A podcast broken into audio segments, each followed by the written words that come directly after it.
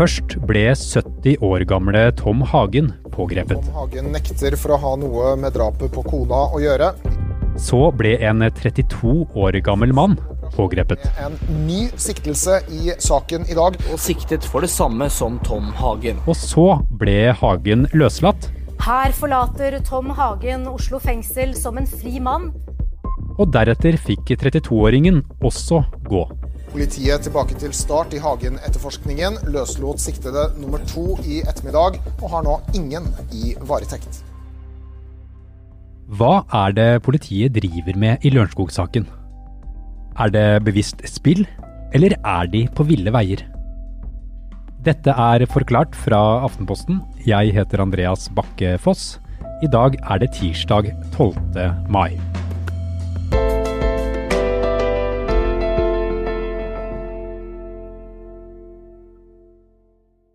Tirsdag den 28. april ble 70 år gamle Tom Hagen pågrepet av politiet. Sikta for drap eller medvirkning til drap på sin kone Anne Elisabeth Hagen. Hun forsvant fra deres felles hjem på Lørenskog utenfor Oslo 31.10 i 2018. Etter halvannet år ble ektemannen politiets første pågrepne i saken. Han synes jo dette er eh, svært eh, vanskelig å bli anklaget for noe han fastholder og at han ikke har noe med. Hvis politiet vil beholde noen de pågriper i varetekt i mer enn to døgn, så må de gå til retten for å få en kjennelse på det. Og det gjorde de med Tom Hagen. Underveis som andre hypoteser har gradvis blitt svekket under etterforskningen, har grunnlaget for mistanke mot Tom Hagen etter politiets mening gradvis blitt styrket. For at retten skal godta varetektsfengsling, kreves noe som heter skjellig grunn til mistanke. Det betyr at det må være sannsynlighetsovervekt, altså mer enn 50% sannsynlig at personen politiet vil fengsle, er skyldig. Tingretten, altså den første rettsinstansen, ga politiet medhold i fengsling. Men Svein Holden, som forsvarer Tom Hagen, mente at den avgjørelsen ikke var riktig, og anket derfor videre til lagmannsretten. Det jeg først og fremst er betenkt over, er at eh, politiet velger å gå til pågripelse på et så magert grunnlag. Og lagmannsretten var enig med Holden. Dommerne mente Hagen måtte løslates fordi det ikke er skjellig grunn til mistanke. VGs krimkommentator Øystein Milli sier to av tre dommere mente bevisene rett og slett ikke var gode nok. De to dommerne mente det var mindre sannsynlig at Tom Hagen har noe med denne saken å gjøre, enn eh, motsatt.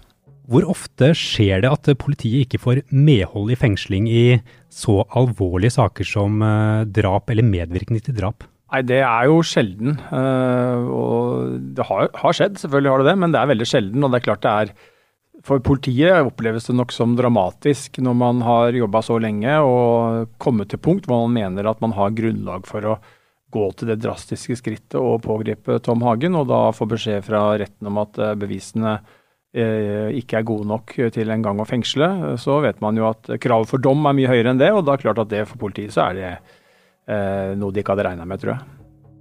Kort tid etter at lagmannsretten hadde avvist politiets ønske om å fengsle Tom Hagen, så pågrep politiet enda en mann. En 32-åring som bor på Romerike. Han ble siktet for å ha tatt livet av Anne Elisabeth Hagen eller medvirket til drap. Nei, Han er et eh, for politiet ubeskrevet blad. Han er ikke tidligere straffedømt, eh, og han er Uh, har drevet med noen IT-firmaer. Uh, han beskrives av politiet som å ha en uh, høy kompetanse innen IT, og så har han også da god kjennskap til dette med kryptovaluta. Og Vi vet jo at i den saken her så er det svært sentralt, fordi at på åstedet så lå det igjen et, brev, og i det brevet så var det lina opp noen koder eh, som eh, betød definerte, eller var definerte setninger. og Så skulle man kommunisere mellom da det man trodde var en motpart og familien Hagen ved å betale ulike summer med eh, kryptovaluta. Eh, og, og, det er jo det vi tror at politiet knytter ham opp mot i denne saken, men det er jo et problem, eh, vil jeg si i hvert fall, at vi får veldig lite informasjon fra politiet. Ja, hva vet vi egentlig om relasjonen denne mannen har til eh, Tom Hagen? Det skal ha vært en relasjon hvor, eh, som vidt jeg forstår, så har denne mannen da kommet i kontakt med Tom Hagen. På generelt grunnlag så er det jo ikke sjelden at folk som har mye penger, kontaktes av andre som har gode ideer, og så forsøker man å få til forretninger så anket påtalemyndigheten fengslingen av Tom Hagen til Norges øverste domstol, Høyesterett. De nektet å behandle anken, og sist fredag ble 70-åringen derfor løslatt fra Oslo fengsel. Først og fremst lettelse, vil jeg tippe. Men politiet mener fortsatt han har drept eller medvirket til drapet på kona si. Så hva skjer videre i saken nå? Vi er straks tilbake.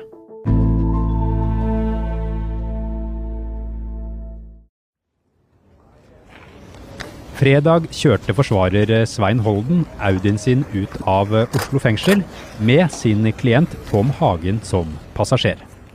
Men han er fortsatt siktet av politiet. Det betyr jo i utgangspunktet at politiet og retten er ganske uenige. Eh, de to dommerne som eh, slo fast at det ikke er skjellig grunn til mistanke, de mener jo at politiet ikke har grunnlag for å sikte ham. Men politiet eh, har jo et, eh, en mulighet for å selvstendig vurdere det, og skal selvstendig vurdere det. Det eneste som eh, dommerne hindret dem, det var jo å få ham fengslet. Så det er ingenting i veien for at politiet fortsatt opprettholder denne siktelsen, etterforsker ham etter det sporet, og det er jo det som har skjedd. Man presiserte det ganske raskt etter at løslatelsen var en faktum, at uh, siktelsen den opprettholdes. Han er sikta for drap eller medvirkning til drap, og etterforskningen uh, den fortsetter. Og da er det nok sånn at den fortsetter uh, selvfølgelig på et bredt grunnlag, men samtidig har det gått så mye tid nå at det er naturlig å tenke seg at politiet er ferdig med mye av det brede informasjonsinnhentinga og analysene av det, og at det nå vil være en mer spissa etterforskning inn mot det politiet mener er en eller flere gjerningsmenn. og da blir det jo sånn at Tom Hagen kommer i fokus fremover for politiet, for han er som sagt da sikta fortsatt. Hvorfor er det sånn at politiet pågrep Tom Hagen når grunnlaget da tilsynelatende er så tynt at uh, domstolen ikke engang gir dem medhold i fengsling? Det er nok en uh, lang prosess. Uh, og så skal vi jo for ordens skyld legge til at det er ganske mange domstoler, eller i hvert fall ganske mange dommere, som har vurdert denne saken. Det er kjent at Tom Hagen har vært under hemmelig etterforskning en periode, og beviskravet er det samme da. For da må det også en dommer til? Da må det en dommer til. Når politiet ønsker f.eks. å telefonavlytte deg eller romavlytte deg, gjøre såkalte tvangsinngrep mot deg, så uh, er prosessen sånn at de går til retten. Og så får du oppnevnt en såkalt skyggeadvokat, som i hvert fall vi i pressen kaller det. Det er en advokat som ikke kan kommunisere med deg om at du er da hemmelig sikta. Og så, men vedkommende ivaretar jo da dine interesser og argumenterer eventuelt mot at du skal Eh, utsettes for de inngrepene. Men da kan jo politiet få adgang til å gjøre disse grepene. Og det har jo skjedd her, og det betyr jo at hver gang man da ber om en forlengelse eh, av disse tiltakene, som har vart ganske lenge i denne saken, så må man gå til retten. Og Det innebærer at det har vært ganske mange rettslige vurderinger. Uh, og Senest dagen før uh, pågripelsen så ble det jo gitt en rettslig beslutning om at det var adgang til å ransake. Og så vet vi også at den tingrettsdommeren som vurderte fengslingsspørsmålet, han kom til at bevisene var sterke nok. Og den ene lagdommeren gjorde jo også det. Så det er ikke noe entydig bilde her. Og det er umulig å si at politiet sånn sett har gjort feil, fordi at her er juristene delte i sin oppfatning av hvor sterke de bevisene er. Og så er det sånn at å vurdere bevis, det er ikke noe én pluss én eller to pluss to. Det er en skjønnsmessig vurdering. Etter flere avhør ble den 32 år gamle mannen som er siktet i saken sammen med Tom Hagen, løslatt av politiet. Han er ikke lenger siktet for drap eller medvirkning til drap, men for medvirkning til grov frihetsberøvelse. Hvis man skal tenke litt høyt, så er det jo mulig å se for seg at politiet mener at han har bidratt eh, inn med kunnskap eller råd eller andre kanskje praktiske gjøremål knytta til det politiet mener han trodde var en eh, kidnapping, et bortføringsforsøk. Han nekter jo straffskyld, så han eh, avviser det. Men, men, det er jo sånn vi må lese denne, denne endringen av, av, siktelsen. Og det passer jo for så vidt da eh, på en måte inn i det bildet politiet tegner av at eh, man har eh, et sånt kryptobakteppe her. Og vi vet også at det har vært mange, og det tror jeg politiet og Svein Holden, forsvareren til Tom Hagen, er ganske enige om at det er nok mye som tyder på at Tom Hagen ikke selv har en kompetanse knytta til krypto som gjør at han kunne satt opp dette rigget. Så for politiet så er det jo sånn at dersom Tom Hagen skal være skyldig, så trenger man nok en brikke som eh, passer inn i puslespillet, og som kan kalle for kryptoekspert. Og det kan hende det er der man eh, trekker inn denne 32-åringen. Påtalemyndigheten fikk altså ikke medhold i å varetektsfengsle Tom Hagen. Var det et sviende nederlag for politiet, eller var det et bevisst kalkulert spill der politiet holdt igjen bevis? Jeg tror vel ikke man har holdt tilbake så mange bevis, kanskje. Jeg tror vel heller at politiet de går jo til retten og ønsker denne fengslingen fordi de mener det er nødvendig for etterforskningen. Og så har man helt sikkert uh, tenkt uh, plan A, plan B, plan C. Man vet jo at det er en usikkerhet, og i hvert fall i en sak som denne, som politiet selv betrakter og betegner som en såkalt beviskjede. Eh, da veit man at det er disse totalvurderingene som er, eh, gjør seg gjeldende. Og de er jo enda verre å tolke enn om man hadde kommet til retten med et fingeravtrykk eller en DNA-profil som man helt åpenbart mente stammet fra den eh, kriminelle handlingen. Da, da, vil det være enklere. Men her var det en sammensatt begjæring, hvor man må lese mange dokumenter, se mange opplysninger i sammenheng. Og da er alltid faren større for at man får ulike vurderinger, sånn politiet ser det. Og da endte det med at disse dommerne ikke var enige med politiet. Hagens forsvarer Svein Holden mener påtalemyndigheten ikke har nok bevis for å fortsatt sikte Tom Hagen. Denne pågrepelsen har vært en katastrofe for eh, Tom Hagen. Dag Svensson, forsvareren til den 32 år gamle mannen, sier hans klient opplever siktelsen mot ham som absurd. Jeg som opplever at han syns det er absurd, situasjonen han havna i. Etter halvannet år med intens og kostbar etterforskning står politiet altså med to siktede personer som begge nekter straffskyld.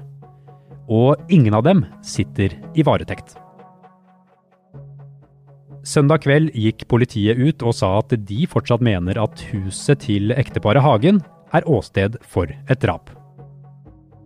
Deres mål er å finne Anne-Elisabeth Hagen, få vite hva som har skjedd med henne, og få klarhet i hvem som er skyldig. Man vet jo for det første ikke helt rent strengt tatt om hun er død. Eh, og så har man jo heller ikke noen formening, eh, i hvert fall ikke noe som jeg er kjent med, eh, eller vi andre i offentligheten, om hvordan man mener hun ble fraktet vekk, av hvem. Og vi har heller ikke fått høre at de mener de har en, eh, en faktisk gjerningsmann. Det er kompliserende for dommere at du kommer med en ektemann, eh, og du kan ikke plassere ham på åstedet som en gjerningsmann, og du kan ikke plassere ham som en sånn kryptoekspert. Altså så er det kanskje da opptil to andre minst, dersom man skal være skyldig, som må være involvert. Og det skaper jo problemer, fordi at uh, bildet i denne saken selv om vi har to pågripelser, det er veldig uklart, vil jeg si. Du har fulgt med på denne saken helt siden den startet, Øystein. Hvordan vil du karakterisere politiets arbeid, eh, spesielt sett i lys av de siste dagers eh, hendelser? Jeg tror politiet har gjort en uh, overordna sett en grundig jobb. At man har gjort uh, Man fikk jo selvfølgelig et lite en liten, et hinder når man måtte gjøre denne etterforskningen i innledningsfasen skjult. Man kunne ikke gå ut og etterlyse vitner som kunne sett biler, personer, andre ting. Eh, det at man eh, ikke kommer helt i mål, behøver jo ikke bety at man har gjort en, en, dårlig jobb. Og så ble det til slutt, tror jeg, et punkt hvor politiet tenkte at nå, nå kommer vi ikke lenger eh, på dette punktet. Vi har en situasjon hvor politiet mener at Tom Hagen Det skjellig grunn til mistanke mot han. Og da er det selvfølgelig sånn i enhver etterforskning at man kommer til et punkt hvor man må vurdere en pågripelse som et etterforskningsskritt. For det gir jo politiet en del muligheter. Eh, man får avhørt eh, vedkommende eh, som sikta. Man kan selvfølgelig få noen som da gir nye forklaringer som vil kaste lys over det som har skjedd. Og vi vet at det er jo sånne ting politiet ønsker å få gjort. Og, så må man da til slutt ta en avgjørelse. Man kan ikke sitte og etterforske denne saken i år ut og år inn uten at man da må enten trappe den ned, eller velge å gjøre det man gjorde i forrige uke. Mm. Du er krimkommentator i VG, Øystein, og også programleder i Krimpodden, eh, som dere har eh, om denne saken. Og dere i VG har jo publisert eh, mange lekkasjer fra politiet om arbeidet, og dere visste også om pågripelsen av Hagen før han selv gjorde det. Er det noen mulighet for at dere også brukes bevisst av politiet i den saken? Ja, nå er det sånn at Vi har henta inn informasjon uh, på en rekke forskjellige steder. Vi har vært, uh, jeg vet ikke hvor mange dager vi har vært i Lørenskog med folk og kartlagt og gravd og spurt. Så det er jo et bredt uh, teppe som ligger bak her når vi snakker om hvilken type informasjon vi har samla inn. Og om, om, vi blir misbrukt av politiet eller en forsvarer eller for så vidt andre i en kriminalsak, det er jo spørsmål vi alltid stiller oss. og så er det vår jobb å forsøke å være kritiske, forsøke å se disse motivene hvis de skulle være der, og, og, og håndtere det da på den best mulige måten. Men Vårt oppdrag er jo å gi en, eh, eller å rapportere objektivt og uavhengig om, eh, om det vi ser og det vi hører i, i, og rundt en kriminalsak, og det har vi også forsøkt å gjøre til beste evne her.